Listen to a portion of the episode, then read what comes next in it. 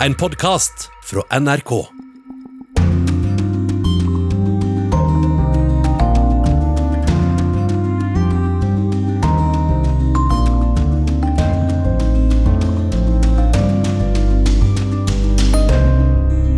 Fra januar har Norge plass ved bordet til Sikkerhetsrådet. Den norske Helsingforskomité har klare meninger om hva som bør være Norges viktigste oppgaver, men er lista lagt vel høyt? Hva gjør at unge menn fra Tsjetsjenia går ut i gatene i en fransk by med balltre og våpen? Vi skal direkte til byen som egentlig er mest kjent for sin sennep. I Tyskland startet denne uken rettssaken mot to nynazister som står tiltalt for drapet på den tyske politikeren Walter Lupke. Samtidig frykter politiet at høyreekstreme utnytter koronakrisen til å skaffe seg økt oppslutning. Og vi byr på et skikkelig pustehull fra verdens elendighet. Bli med korrespondent Sissel Wold på tyrkisk Hamam. Og så blir det korrespondentbrev fra Latin-Amerika og podkast om hva som egentlig har skjedd i verden det siste halvåret. Velkommen til Urix på lørdag. Jeg heter Anja Strønen, men vi starter i USA.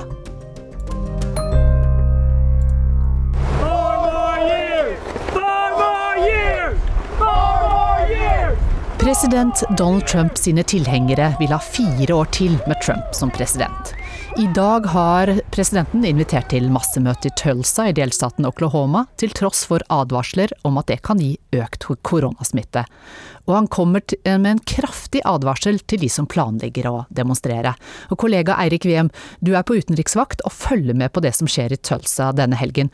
Hva er det det er forventet vil skje? Altså, det, dette er jo Donald Trumps valgkampåpning. Og slik stemningen er i USA akkurat nå, så er det klart frykt og bekymring for at dette skal ende i bråk. Og situasjonen er eh, forholdsvis spent eh, i byen nå. Det er ventet mange mennesker til Tulsa denne helgen. Mange kommer for å høre på Trump, men så er det også mange som kommer for å demonstrere mot ham.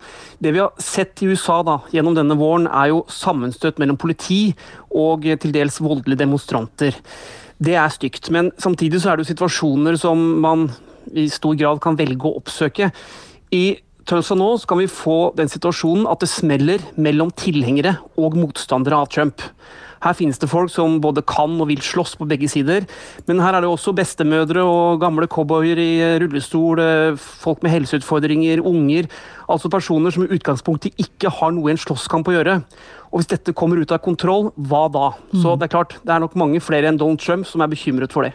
Ja, og Trump kom i går med en kraftig advarsel til de som planlegger å demonstrere. Hva gikk den ut på, Eirik Wiem? Altså, det han sa da på Twitter, det var at han kom til å slå knallhardt ned på de som protesterte mot ham, var det som kom i utgangspunktet. Og Han brukte ord som anarkister, oppvilgere, plyndrere. Og han uh, snakket også om uh, love lives, altså mennesker med svært lav moralsk karakter, hvis man skal oversette det. Det ble jo senere presisert da, at han at han mente egentlig de som da sto bak voldelige eh, demonstrasjoner og, og drev med plyndring. Men uansett så ble det masse bråk av den Twitter-meldingen, og det skaper selvfølgelig mer splid og mer motstand. Og tilhengerne hans blir også enda mer lojale mot ham. Så situasjonen i Tulsa nå den er ganske spent. Men hva, helt til slutt her, eh, hva er det som gjør at så mange vil få med seg dette som, som skjer eh, denne helgen, da? Altså Vår mann i USA nå, fotojournalist Lars Os, han har møtt folk på begge sider gjennom det siste døgnet. Og det som kommer frem i de intervjuene han sender hjem til oss, det er jo at det er ekstremt mye følelser i USA nå. Trumps tilhengere de mener jo at det er viktigere nå enn noen gang å støtte opp om eh, landets president. USA er jo nå truet innenfra, ikke fra en ytre fiende. Så For dem så står det ekstremt mye på spill, og de synger om at de er i ferd med å miste sin frihet, og den kommer aldri tilbake hvis den blir borte. Motstanderne mener jo at de har en president som behandler dem som annenrangs borgere. Så nå er det ikke bare en kamp for og imot Donald Trump, det er jo også en kamp nærmest for et helt livsgrunnlag som står på spill for mange amerikanere nå. Derfor er det så mye, på, mye emosjonelt som, som er i lufta nå. Takk eh, kollega Eirik VM, og du kan lese mer om hva som foregår eh, i Tølsa på nrk.no.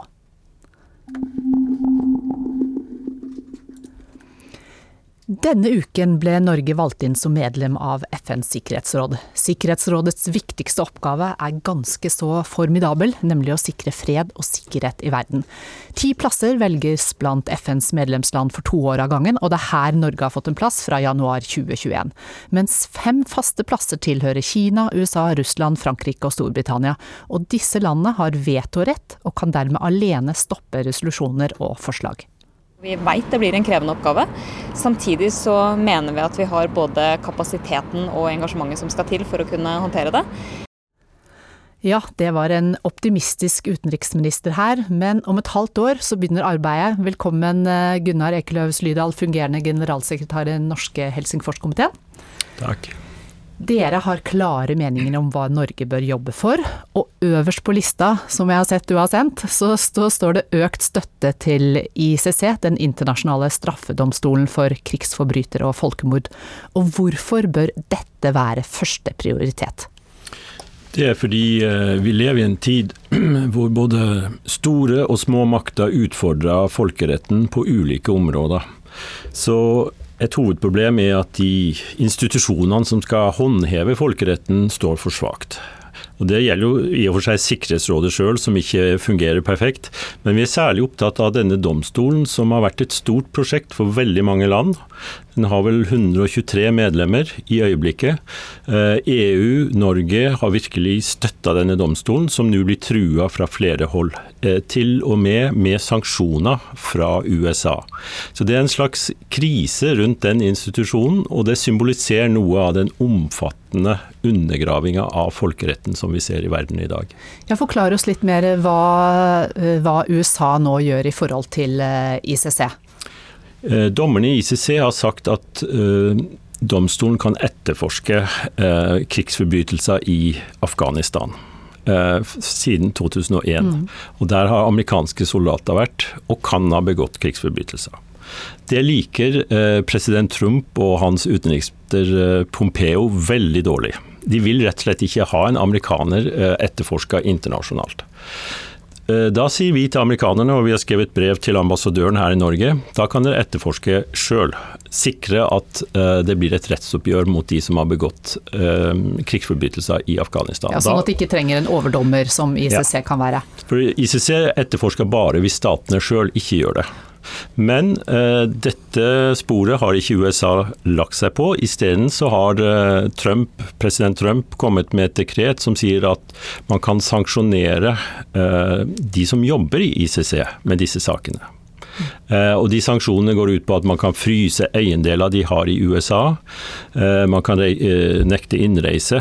Å komme på en amerikansk sanksjonsliste, det er ganske guffent. Men uh, Ekeløv Slydal, det viser seg jo her at uh, med en gang at dere har lagt lista i Helsingforskomiteen ganske høyt, når dere da sier at fokuset bør være på, på ICC, og så ser man den motstanden som er fra amerikanerne. Hva tenker du at Norge er i stand til å oppnå dersom Trump blir sittende som president, da? Eh, vi skjønner at Sikkerhetsrådet er et sted for realpolitikk. Så vi forlanger ikke det umulige av Norge. Men Norge har en standing som gjør at vi på en eh, i en godt diplomatisk innpakka pakke også kan være tydelig på disse kjernespørsmålene for internasjonal rett. Men, eh, men både Kina, USA og Russland har jo valgt å stå utenfor. Mm. Ja, og disse sitter rundt hovedbordet. ja, og de sitter her hele tiden. Ja. Eh, så det, eh, vi er klar over at dette er en, en, stor utfordring. Og vi har jo også noen andre eh, forslag til kanskje litt enklere oppgaver. Men vi ser på dette med ICC som en lakmustest for folkeretten, rett og slett. Og da må det holder ikke å snakke om dette i Oslo.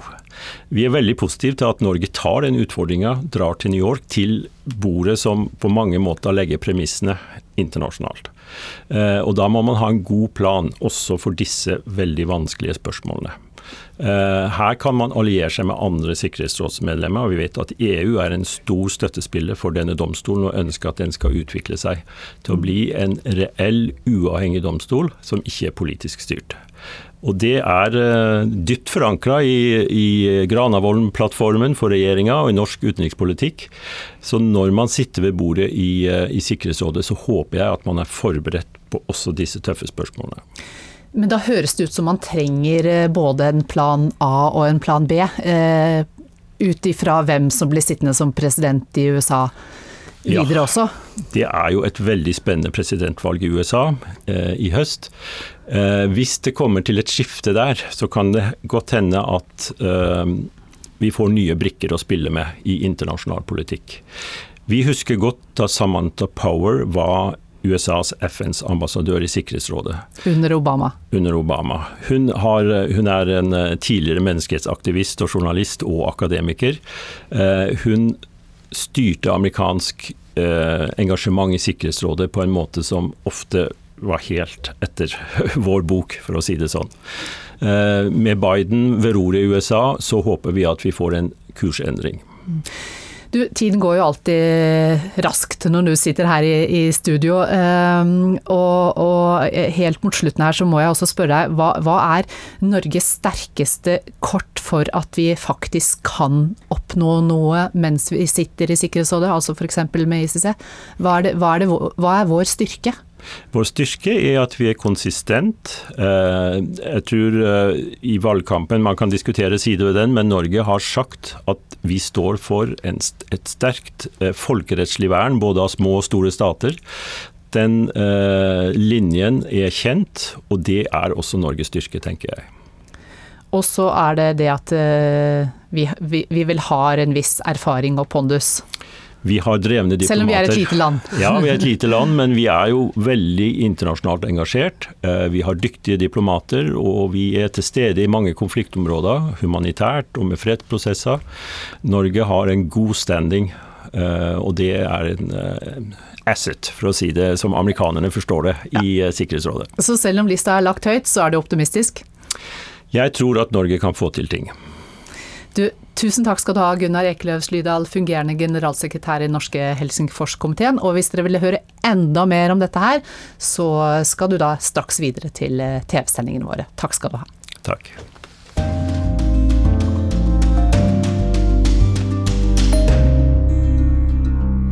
Vi skal straks direkte til den franske byen Dijon, som har vært preget av mye bråk den siste tiden, etter at en tsjetsjensk gutt ble angrepet av en nark narkotikalanger, uten at politiet først grep inn.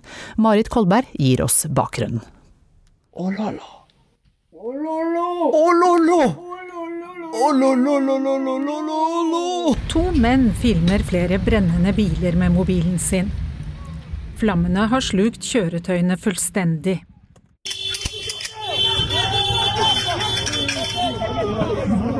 Flere kvelder på rad i forrige helg var det bråk i gatene i Dijon. I byen, som er mest kjent for sin berømte sennep, gikk unge menn med slagvåpen, balltre, noen med våpen og andre med fyrverkeri, i gatene i kveldsmørket. Biler og søppelkasser ble satt i fyr. Dette skjedde i bydelen Legresi, der det bor mange nordafrikanske migranter. Bakgrunnen for bråket skal ha vært at en 16 år gammel tsjetsjensk gutt ble angrepet av en av bydelens narkotikalangere. Folk som bor i Legresi følte seg innesperret i hjemmene sine, og sier politiet ikke kom for å hjelpe. En forteller at de ikke turte å gå ut. Euh, euh.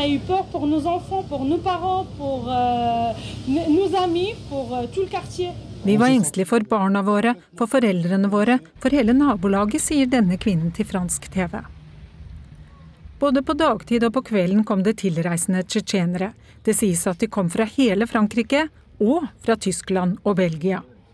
En mann ble alvorlig såret i en skuddveksling. I gatene skal det ha vært et par hundre personer og folk i nabolaget fulgte dramaet fra balkongene sine med munnen dekket pga. røyk fra alle brannene. Etter hvert ble det sendt politiforsterkninger til Dijon, og på mandag annonserte innenriksministeren at statlige styrker skulle overta. Og statssekretær Laurent Nunes avviser at politiet ikke hadde vært til stede. Les forces de l'ordre ne sont pas restées en retrait, c'est complètement inexact. Les forces de l'ordre ont été présentes tout au long de sa séquence. Cette séquence Journalist og forfatter Fredrik Ploquin sier det kriminelle tsjetsjenske miljøet har et voldsomt rykte på seg i Frankrike. Le crime euh, organisé tchétchène a une, une véritable réputation. Il fait un petit peu peur, je veux dire, au, au milieu traditionnel en place euh, en France. De er kjent for å samle seg fort, sier han, og de bruker sosiale medier både for å vise styrke og for å tilkalle enda flere.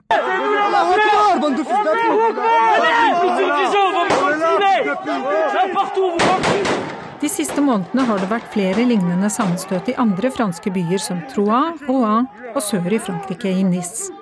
Etter krigen i Tsjetsjenia skal det være noe sånt som 30 000-40 000 tsjetsjenere i Frankrike. Flere av dem er registrert med russisk pass, så man har ikke helt oversikten over hvor mange de er. Europakorrespondent Philip Lote, du er med oss nå direkte fra Dijon. Og hvordan vil du beskrive situasjonen eller stemningen der nå? Vi står i Le Grisé, altså denne arbeider-innvandrerbydelen rett utenfor hvor disse sammentreffene eh, skjedde. Og vi står ved et pizzeria og en bank hvor da en av de lokale innbyggerne med nordafrikansk bakgrunn ble skutt og såret i løpet av opptøyene. Da vi kom så var det fremdeles ganske mye eh, nasjonalt eh, opprørspoliti til stede, men de har i løpet av det siste ett og et halvt døgnet trukket seg eh, tilbake. Så nå noen steder kan du se noe aske på bakken, og når du snakker med folk, så er de fremdeles rystet og sjokkert over eh, hvordan eh, det de beskriver som en eh, normalt rolig bydel, ble utsatt for dette angrepet, som de kaller det. Men dette er også en bydel som i Dijon er kjent for å ha narkogjenger og være et senter for omsetning av narkotika, selv om byen i løpet av de siste ti årene har gjort veldig mye for å ruste opp dette området. Men noe sånt som det som skjedde i forrige helg, har de aldri aldri sett før. Og vårt inntrykk av dette her er at det var mest voldsomt eh, den første kvelden hvor tsjetsjenerne kom, eh, fredagen. Eh, det var da de fleste ble såret, og lørdag, søndag, mandag så var det mer en styrkeoppvisning hvor de fysiske sammenstøtene kanskje var mindre, men hvor det var veldig mange til stede. Og mange av de tilreisende tsjetsjenerne var tungt bevæpnet, og det gjorde at mange fra dette nabolaget, som ofte har nordafrikansk afrikansk bakgrunn også lagde seg molotov-cocktails, uh, skaffet sine egne våpen fordi de følte at uh, politiet egentlig bare hadde sirklet inn området hvor uh, disse sammenstøtene sto, og hadde nærmest tenkt å la dem slåss seg ferdig. Så det er også en følelse i dette nabolaget om at de ble sviktet av, av politiet. Ja, Hva sier folk til deg? Ja, Det de sier er jo at uh, det var faktisk først da vi begynte å gå til motangrep at politiet grep inn. Ellers hadde de tenkt å bare uh, la dette her uh, skje. Og det er jo blitt politisert dette her nå. vi har prøvd å få uttalelser fra både etterforskere, påtalemyndighet, til og med kommunen. vegrer seg for å si noe. Det er blitt både lokalt og nasjonalt veldig politisk følsomt. og det er ganske sikkert at det kommer til å bli en oppvask eh, etter dette her. Eh, hvordan det kunne skje, eh, hvorfor politiet gikk inn på den måten de gjorde, altså ifølge folk her ikke gikk inn. Og noen sier at det kan være pga. en del kritikk mot politiet den siste tiden, hvor de er blitt anklaget både for å være for brutale og for å ha tendenser til rasisme i styrkene sine, som gjør at de nå holdt igjen, eller at ledelsen for politiet holdt igjen. Takk skal du ha, Philip Lote, med oss direkte altså fra Frankrike. Og det blir mer om dette i Søndagsrevyen i morgen kveld.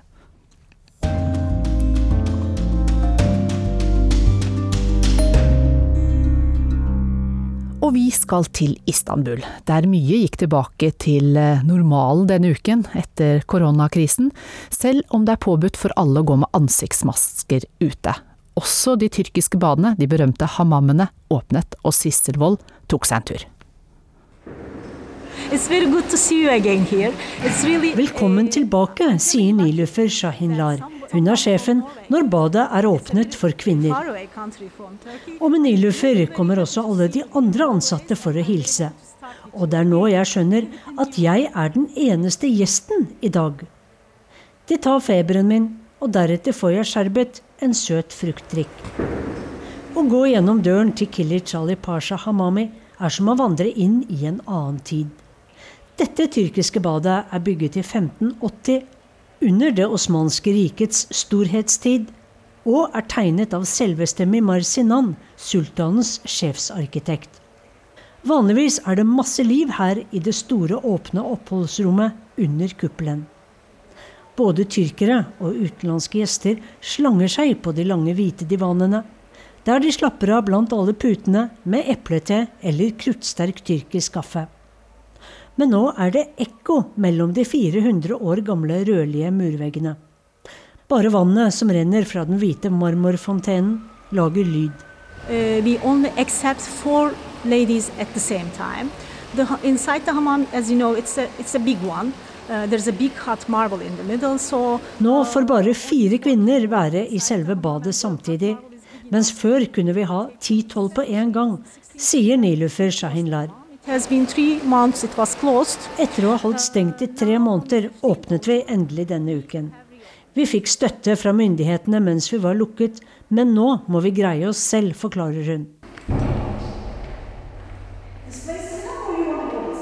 Ja, Inne i badet er det enda stillere.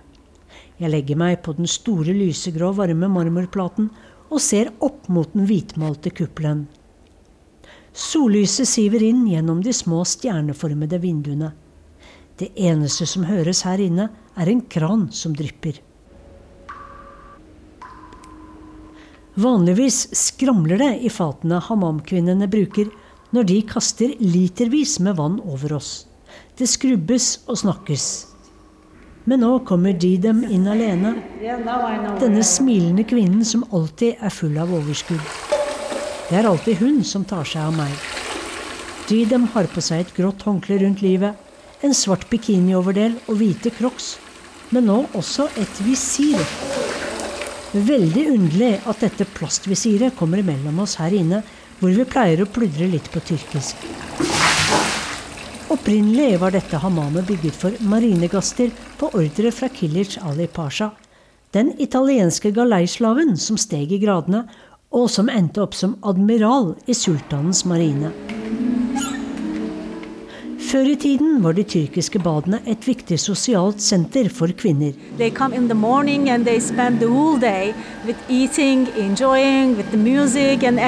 De spiste, de sladret, skaffet seg informasjon og ikke minst var mødre med gifteklare sønner opptatt av å få en oversikt over aktuelle koneemner, og dem kunne de fritt betrakte på badene. Killer Charlie Pasha Hamami har mange faste gjester, men trenger turister som teller nesten 70% av kundene her. Og siden det er så vanskelig å reise nå, og mange land fraråder sine borgere å feriere utenlands, så kommer nesten ingen hit nå. We will try to survive. Vi vil overleve, og vi skal gjøre vårt beste, sier Nilufer Shahinlar, som tror at juli vil bli en mye bedre måned. Vi håper at by July it will be better, and we will succeed. Epleteen er servert i glass på en tinnskål. Mens jeg sitter på min faste plass i hjørnet av divanen, ser jeg de ansatte går frem og tilbake, alle med hvite munnbind. Med ett minner dette meg om et sanatorium fra gamle dager. Igjen er jeg på reise i en annen tid. Det var korrespondent Sissel Wold som hadde forflyttet seg til en annen tid.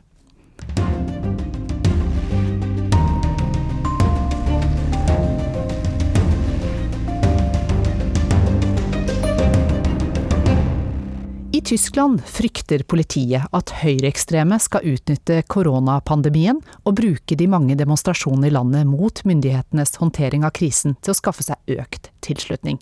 Og samtidig så står to nynazister tiltalt for drapet på den tyske politikeren Walter Lübke. Mord an Walter Lübcke. Heute hat in Frankfurt am Main der Prozess um den Mord an dem Kasseler Regierungspräsidenten Walter Lübcke begonnen. Neben Stefan E. steht auch sein mutmaßlicher Komplize vor Gericht. Und jetzt das Heute-Journal. Tyske TV-kanaler hadde tatt en liten koronapause denne uken, og gitt plass til drapet på den tyske politikeren Walter Lübke, som ble skutt i hodet og drept i sin egen hage i fjor sommer. Denne uken kom to menn inn i retten i Frankfurt, anklaget for en ren henrettelse motivert av rasisme og fremmedfrykt. Ausschlaggebend für diese Tat war ein von Rassismus und Fremdenfeindlichkeit getragenes Tatmotiv. Der Angeklagte zielte darauf ab, die aus seiner Sicht äh, missliebige Flüchtlingspolitik, die Haltung, die Herr Dr. Lübcke in diesem Zusammenhang vertrat. Ifølge aktor Dieter Kilmer så ble Lübcke drept fordi han kjempet for at Tyskland skulle ta imot flere flyktninger. Og de to tiltalte, Stefan Ernst og Markus Haltmann, var kjent for å ønske et etnisk og kulturelt homogent samfunn. Og det var på et folkemøte i byen Kessel det hele skal ha startet.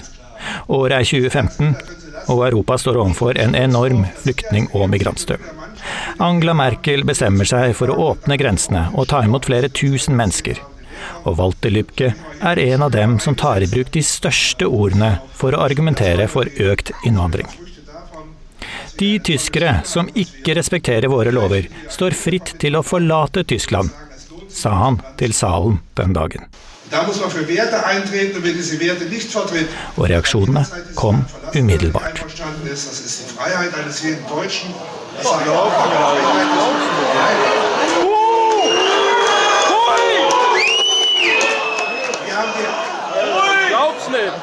Verschwinde! Dette ble av mange tolket som at de som var uenige med han og Merkel om å ta imot flere flyktninger og migranter, bare kunne reise. Begge de to tiltalte skal ha vært i denne salen. Etter dette opplevde Walter Lübcke å bli hatobjekt nummer én for mange tyske nynazister og ytre høyre-sympatisører. Begge de tiltalte har et langt rulleblad, og den selverklærte nynazisten Ernst har innrømmet de faktiske forholdene, men har senere trukket tilståelsen tilbake. Nå får også tysk politi kraftig kritikk for å ikke ha sjekket Ernst bedre i perioden før drapet på Lübke.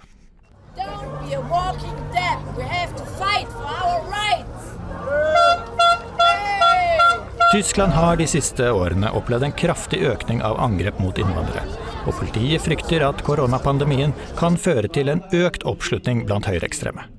Flere steder har det vært store demonstrasjoner mot myndighetenes restriksjoner. Som i Berlin i forrige måned, der den kontroversielle økonomiprofessoren Stefan Humbug mente at myndighetenes håndtering var som en scene fra boken Hunger Games, der alle kjemper mot alle til den sterkeste står igjen. Og jeg ser diesen lockdown, ich sehe diesen lockdown als Veranstaltung von Hungerspielen. Og jeden Tag Det høyreekstreme partiet Alternativ for Deutschland regner Humbug som en av sine støttespillere, og han har vært svært aktiv de siste månedene. Tilbake, og utenfor rettslokalet i Frankfurt, er bistandsadvokaten til familien Walter Lübke klokkeklar på hva han mener skjedde junidagen i fjor. Nach meiner Überzeugung handelte es sich um ein kaltblütig geplantes heimtückisch begangenes, feiges Mordverbrechen aus übelsten Beweggründen. Jeg er overbevist om at dette var et kaldblodig, feigt mord med ondskapsfulle motiver, sa han til presten utenfor lokalet.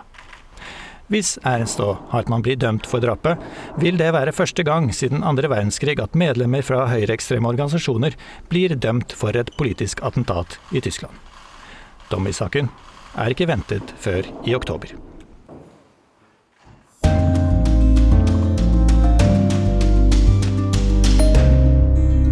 Ukas korrespondentbrev er postlagt av Arnt Stefansen fra Latin-Amerika. Den er nesten fem meter høy, og jeg føler harme når jeg ser den.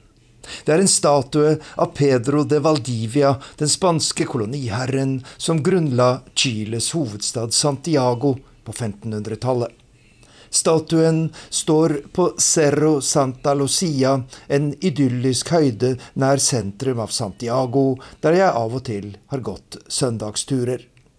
Derfor har jeg et slags forhold til monumentet, og i en begeistret omtale på internett leser jeg at det ble innviet på 1960-tallet og laget av en skulptør som brukte en hestestatue av Spanias diktator Francisco Franco som modell. Kunstverket er laget i bronse, smeltet om fra seierrike spanske kanoner, heter det og innvielsen skjedde med militær pomp og prakt og velsignelse fra selveste erkebiskopen, leser jeg i den samme begeistrede omtalen. De eier ikke skam i livet, sier min chilenske venn Pepe. Han er av mapuche-stammen, det største urfolket i landet. Mapuchene er legendariske her i Latin-Amerika. Det var det eneste urfolket som aldri ble beseiret av den spanske kolonimakten. Og det var de som ble den berømte conquistadoren Pedro de Valdivias bane.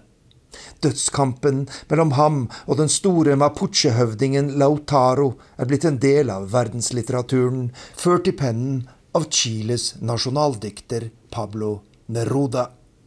Hvorfor er det ingen statuer av Lautaro her, spør min venn PP, en dag vi går en tur i sentrum av Santiago. Jeg ser bare hvite menn, conquistadorer, generaler, forretningsfolk og politikere. Hvor er vår historie, spør han. Og selvsagt vet han svaret, at det er seierherrene som står på sokkel.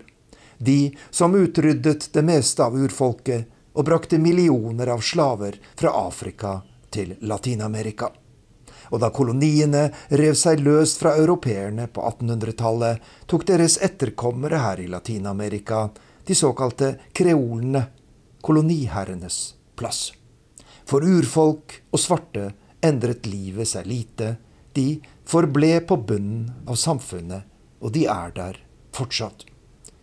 Harme og raseri over statuer er derfor sørgelig velkjent for folk her i Latin-Amerika, nå når dette er blitt en verdensnyhet. Men i motsetning til i USA og Europa har folk her i sør knyttet hendene i lomma i stedet for å bruke sprayboksen eller slegga.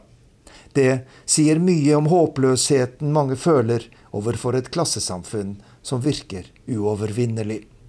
For knapt noe sted er det en mer direkte sammenheng mellom budskapet fra monumentene og den uretten som millioner av mennesker til daglig opplever i en region der de sosiale forskjellene er større enn noe annet sted i verden. Men eh, ikke alle er like tålmodige.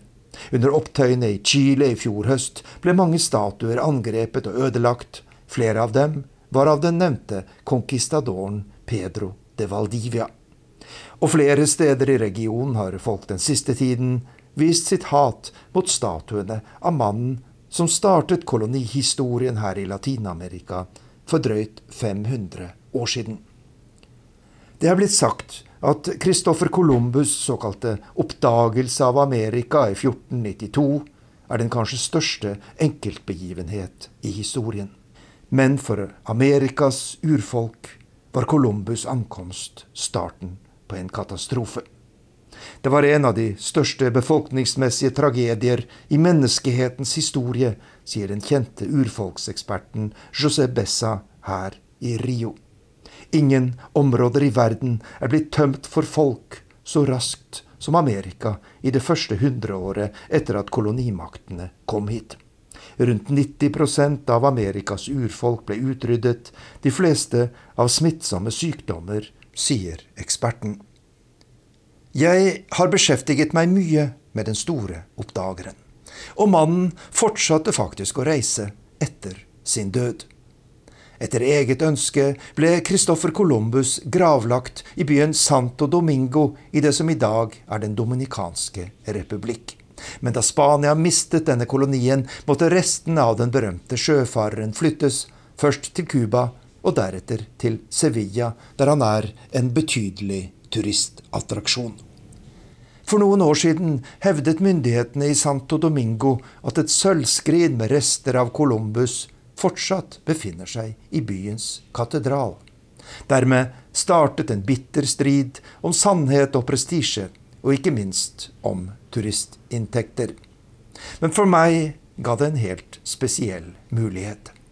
Spanske myndigheter satte i gang et forskningsprosjekt der man tok prøver både fra Columbus og hans sønn, som også er begravet i Sevilla-katedralen. Jeg kontaktet prosjektets leder, José Lorente, en hyggelig professor som tok meg med til sitt laboratorium i Granada og viste meg noe ytterst spesielt. Reagensrøret med sjøfarerens DNA. Jeg behøver sikkert ikke å fortelle at det var en opplevelse med kraftig historisk sus.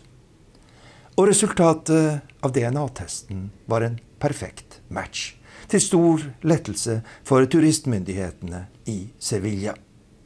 Men her, på de amerikanske kontinenter, er Christoffer Columbus en stadig fallende stjerne.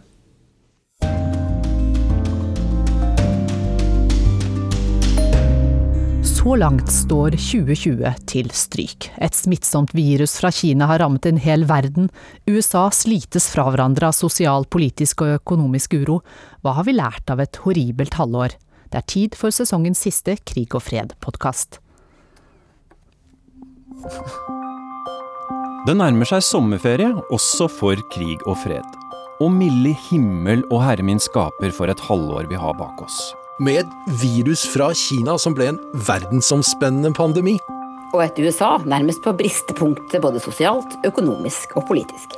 Så hva slags horribelt år skal 2020 stå igjen som i historien, egentlig? Du hører på Krig og fred med Tove Bjørgaas. Og Tore Moland. Og Halvard Sandberg. Og Sigurd Falkenberg Mikkelsen.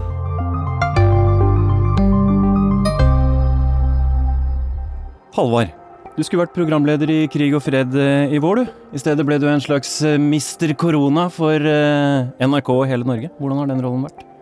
Jeg var litt med sorg jeg måtte forlate den programlederrollen i Krig og fred. For jeg fikk akkurat tid til å Ja, sånn skal vi gjøre det. Og så kom den koronaen inn som et slags sånn takras overalt. Og det var helt overveldende. Og jeg hadde ingen sans for tid og sted annet enn covid-19, som bare lekte i huet mitt døgn etter døgn etter døgn etter døgn etter døgn. Og ved en slags skjebnens ironi så har du da også gått sommeren i møte med en real virusinfeksjon, så du stiller her med en fersk koronatest? En fersk negativ koronatest, og det må jeg si var en sånn der eh, oppvekker, altså, for at eh, jeg hadde begynt å slappe av som alle andre, tenkte at det er en høyere sannsynlighet for å vinne i Lotto enn å få korona, og plutselig så kjente jeg det viruset ligge der i nesa og i ganen, og dette, oi sann. Men sånn er det vel mange som har det nå? Folk går på skole og jobb igjen, eh, vi flokker til strendene i sola, vi får lov til å reise utenlands. Er vi ikke litt ferdig med covid-19 nå, da? Nei, ikke det, Det er det. Det er det at jeg forsto det at eh, nei, det kommer ikke noe sånn mirakelending, eller plutselig så bare går ut i sanden, at det kommer til å vare og vare og vare. Da fikk jeg litt sånn oi, hvordan skal dette her bli, da? Ja? Å drive på med dette her i to, tre, fire, fem, seks år, kanskje? Gi oss en situasjonsbeskrivelse. Hvordan står det til ute i verden nå, medio juni 2020? Nå står det til akkurat slik som det ble varsla. At de rike landene som hadde mulighet til å beskytte seg, de har beskytta seg, og kanskje greier seg greit gjennom dette her. Og så er det de eh, mellomfattige og helt fattige som er i ferd med å bli skrudd. Og det ser i India nå, ser Pakistan, ser i eh, Latin-Amerika, Afrika Du ser at det bobler opp der. Og det er det vi kommer til å streve med nå neste halvåret, tror jeg. Hvor lenge skal det vare? Nei, jeg, vet ikke. Det er de som sier at de vet nøyaktig hvordan dette kommer til å gå, og uh, når dette kommer til å ende, de ljuger. Det var det eneste som er sikkert. Jeg har sagt det at den der krystallkula mi når det gjelder covid-19, er helt tåkete. Jeg greier ikke å se noen uh, ting. Eneste jeg vet, er at dette her er skikkelig maraton, altså. Halvard Sandberg, når var det du skjønte at dette kom til å bli skikkelig ille? Jeg tror det var slutten av februar, første dagen i mars. Da begynte jeg å se nærmere på sånne isolerte tilfeller, sånn som et cruiseskip, Diamond Princess, hvor de hadde testa alle, og så strøyk det med en god del folk. Og da tenkte jeg fall i den aldersgruppen så døde det én av hundre. Og så tenker du at eh, kanskje 50-60 millioner mennesker i Europa skulle gjennom sykdommen i løpet av et par måneder. Det er mye folk, altså. Det er mange døde mennesker. Da da, da forstår jeg at dette her er en helt annet spill. Tidlig i mars, Halva, gikk du over i en slags aktivistrolle, du, eller er det lov å si dommedagsprofet? Jeg var vel det. Jeg du var- varsla katastrofe, rett og slett? Ja. Og torsdag 12. mars så ble du plutselig veldig glad i Erna Solberg. Ja, som journalist skal jeg ikke si at jeg ble glad i Erna Solberg. Jeg eh, var veldig, veldig glad for at Norge bestemte seg for å ta frem storslegga og så gjøre alt de kan for å knuse den smitten. For det er, det, jeg liksom, det er dette som må til. Vi må, vi må kjøre Kina light, i hvert fall. Ja, Hva slags strategi er det vi valgte, egentlig? Vi valgte å gjøre nesten alt vi kunne gjøre som var forsvarlig å gjøre i et uh, demokrati, Uh, fordi vi ikke visste hva som egentlig virka. Så eh, altså, du kan tenke deg at det kommer et vogntog mot deg, hva er det du gjør? Du slår på bremsen og roper «Åh, 'brace for impact', mens du kunne ha svingt unna. Viser det seg etterpå. Du kunne ha gjort sånn med rattet, så ville du ha unngått det, men du bråbremsa. Sånn var det vi gjorde. Ja, Du har snakka noe om en løpsk trikk, du, og noen som står ved en sporveksler og må ta et rimelig tøft valg. Forklar. Altså, det er eh, trikkedilemmaet i eh, Altså at du har en trikk som da du kan bestemme om den skal ta livet av de fem som ligger bunnfast eh, på skinnegangen, eller endre retningen og drepe en som aldri var i fare. Og det er vel det vi egentlig gjorde. Vi bestemte at vi skulle endre retningen på trikken, for den sykdommen her var på løpsk fart rett mot de gamle i samfunnet. De skulle vi spare. Og så dro vi sporveksleren og sendte trikken inn mot alle unge og friske som eh, måtte ta byrden av det. Nemlig ikke få seg kjæreste og ikke gå på jobb og alt det greiene der. Men du mener det var lurt? Nå sitter sjefen min her, så jeg kan ikke si at det var lurt. Jeg kommer til å høre på uansett, Halvor. Ja, ok. ok. Uh, jeg syns det er lurt, hvis jeg kan si det. Jeg syns det var veldig lurt å slå på bremsen, for da havna vi i en situasjon som vi er i nå, hvor vi har valgmuligheter. Eh, andre land har ikke de valgmulighetene som vi har.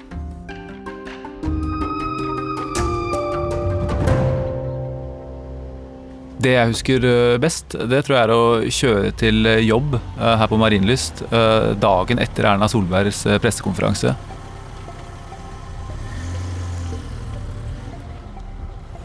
Kjørte på jobb uh, gjennom et helt tomt Oslo. Det var liksom ingen mennesker ute. Uh, helt spøkelsesstemning.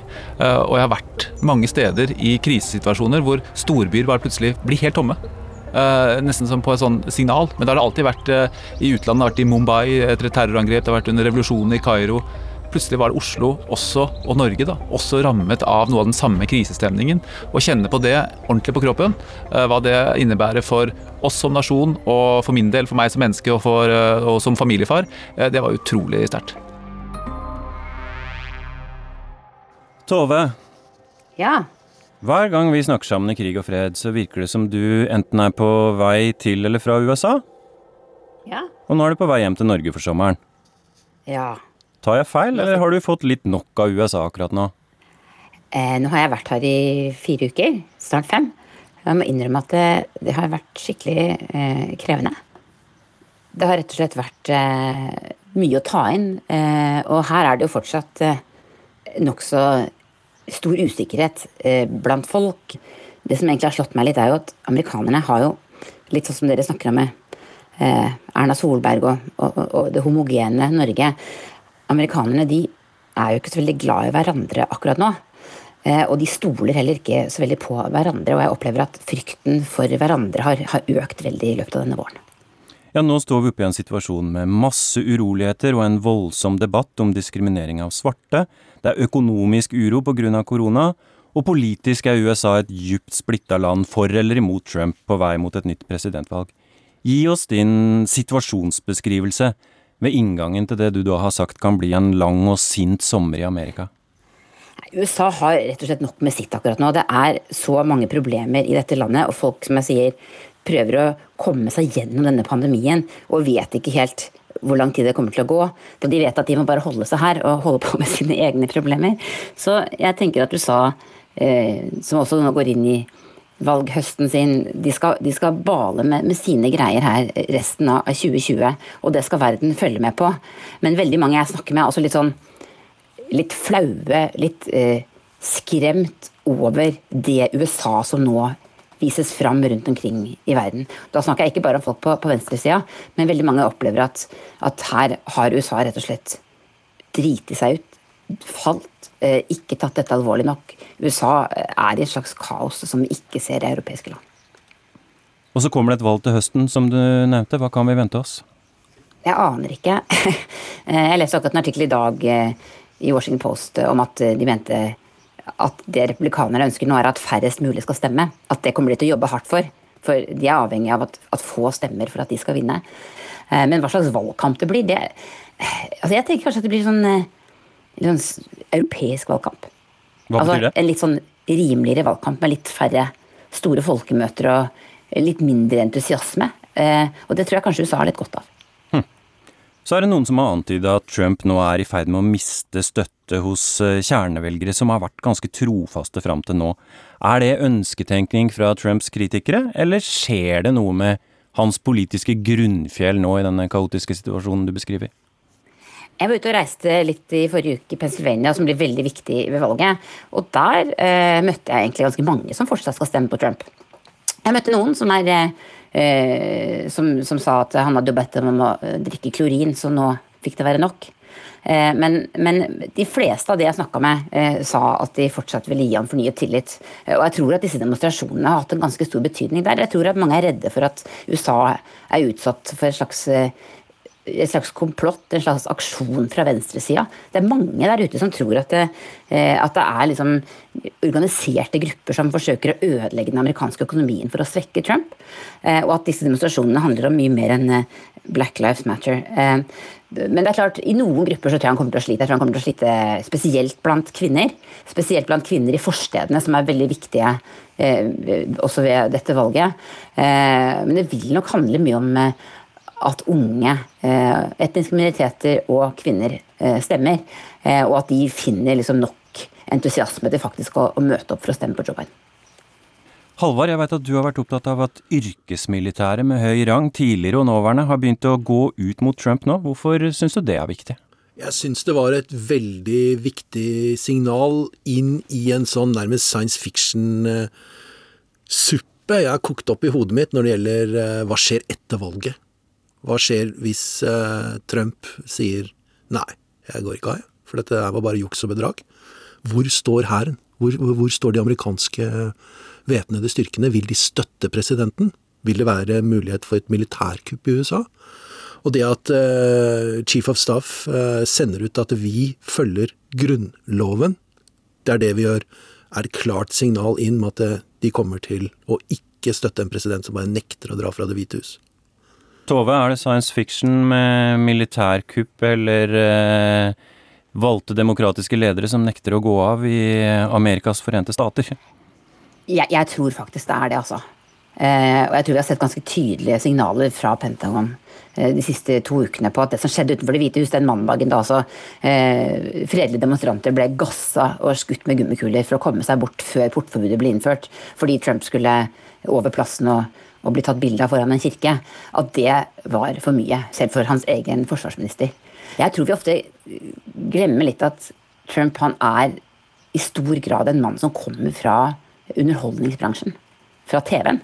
Eh, og, og, han er veldig god på, på, TV, han er god til å spille mediene, men han er ikke en eh, Jeg tror kanskje ikke han er diktatormateriale. Han er ikke den store politiske strategen eh, i forhold til militære ledere, tror jeg.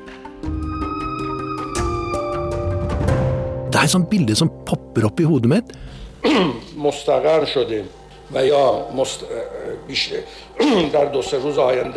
Jeg husker veldig godt den der iranske ministeren som ikke visste at han hadde covid-19, og så stilte han på pressekonferanse og var i TV-intervju, og han svetta og harka og var skikkelig dårlig. Og vi visste da, da vi så det, at han var sjuk.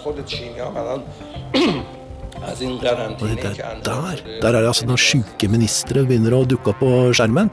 Da står det dårlig til. Og Da tenkte jeg liksom hvordan det kom til å bli når denne sykdommen nådde oss. da, For jeg var helt sikker på at den nådde oss, og det gjorde den jo. Får vi se sjuk Erna Solberg stå der?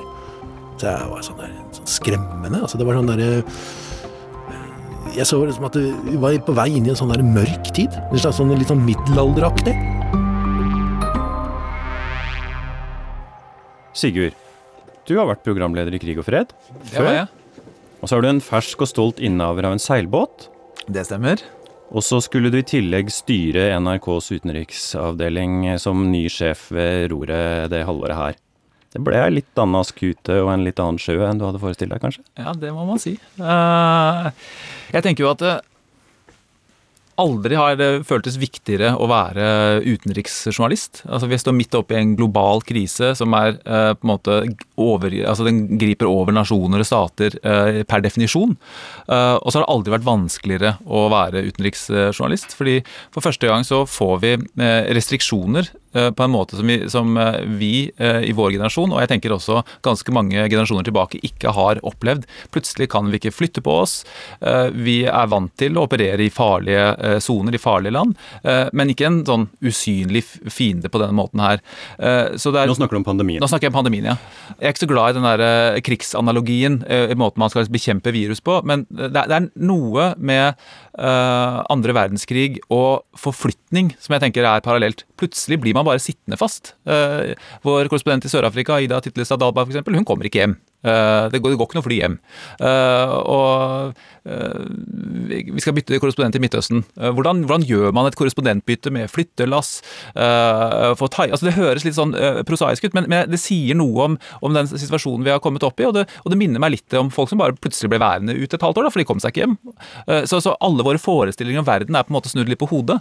Og det gjør det jo både på den ene siden superviktig å være journalist. Jeg tenker virkelig oppriktig at det, det føles utrolig meningsfullt. Og så står vi oppe i en, en helt ny uh, situasjon både med logistikk, reising, komme inn og ut, uh, og også med en fare. Altså, man utsetter seg jo selv for en, for en, risiko ved å møte mennesker, som jo er journalistikkens viktigste både virkemiddel og kanskje dens som innerste vesen, er jo å treffe folk, snakke med folk. og når det plutselig er farlig, potensielt farlig, så er vi oppe i en situasjon som også for journalistikken er helt ny. Mitt sterkeste minne fra denne våren det er fra 16. mars.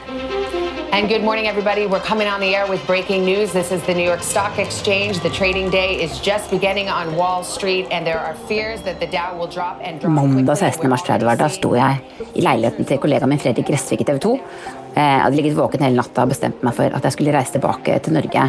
Eh, og at sønnen min, som ikke ville hjem, skulle få lov til å være igjen her i USA. Han er ti år.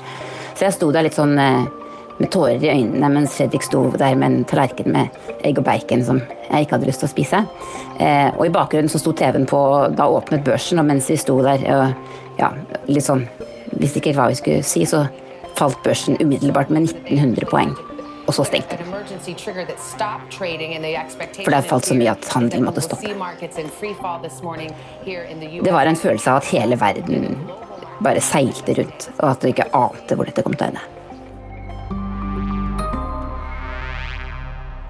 Sigurd, hva lyder din dom over 2020 til nå? Det er vel det året hvor man virkelig føler at uh, man er del av uh, verden. Og at det både er et ansvar, men også at det, det, ligger noen faremomenter der som man kanskje trodde var borte. Og at, uh, at vi, er, vi, er, sårbare. Men det gjør også, tenker jeg, at liksom, politikk føles utrolig viktig. Altså, jeg syns jo at hele denne koronapandemien viser hvor, hvor viktig det er med politisk ledelse. Halvard, 2020, er det et drittår, eller? For min del så har det vært aldeles fantastisk, og det året har jo mye mer å gi. Det er eh, Høres det fælt ut, men vi er journalister, slik at det er, det er det er en forbannelse, er det ikke det heter? May you live in interesting times. Og det skal jo være fælt for alle andre enn journalister. Det er jo akkurat det vi eh, gjerne vil. Vi vil ikke at det skal skje noe fælt, men vi vil være til stede når det skjer. Det er liksom det viktige. Men, men det jeg tror mange har kjent på her, er nettopp det at uh, dette er en, en krise som vi dekker ute i verden, men som også angår oss her hjemme.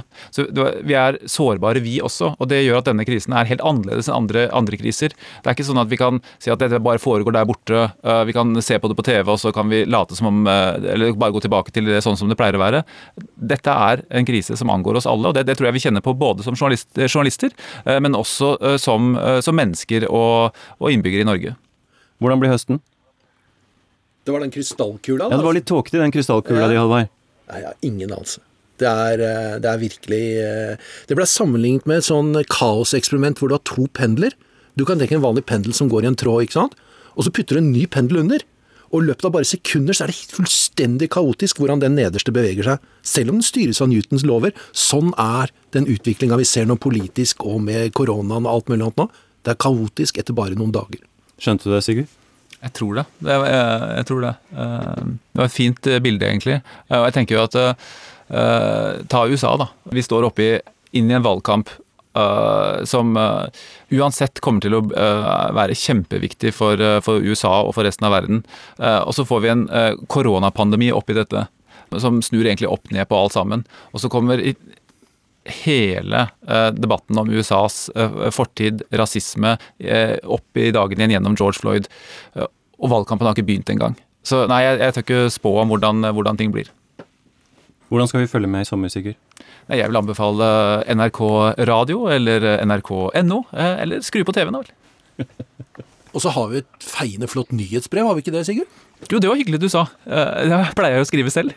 Men uh, alvorlig talt, jeg tror tenker det er en uh, fin måte å holde seg oppdatert uh, gjennom sommeren. Kanskje ikke du orker å lese nyheter hver eneste dag, men da får du en ukesoppsummering av hva som har vært viktig på utenriksfeltet, og kanskje noen eksempler på ting internasjonalt også, som det er mulighet til å holde seg både oppdatert samtidig som man ligger på stranda. Og hvordan finner vi det? Logge seg inn på nrk.no, så får du muligheten til å klikke på 'abonner på ukesbrev fra Urix'. Du har hørt eh, Krig og fred fra NRK Urix. Lydregien var ved Hilde Tosterud. God sommer. Ha det bra. God sommer. Urix på lørdag takker for laget. Teknisk ansvarlig Finn Lie. Produsent Truls Lier. I studio Anja Strøn.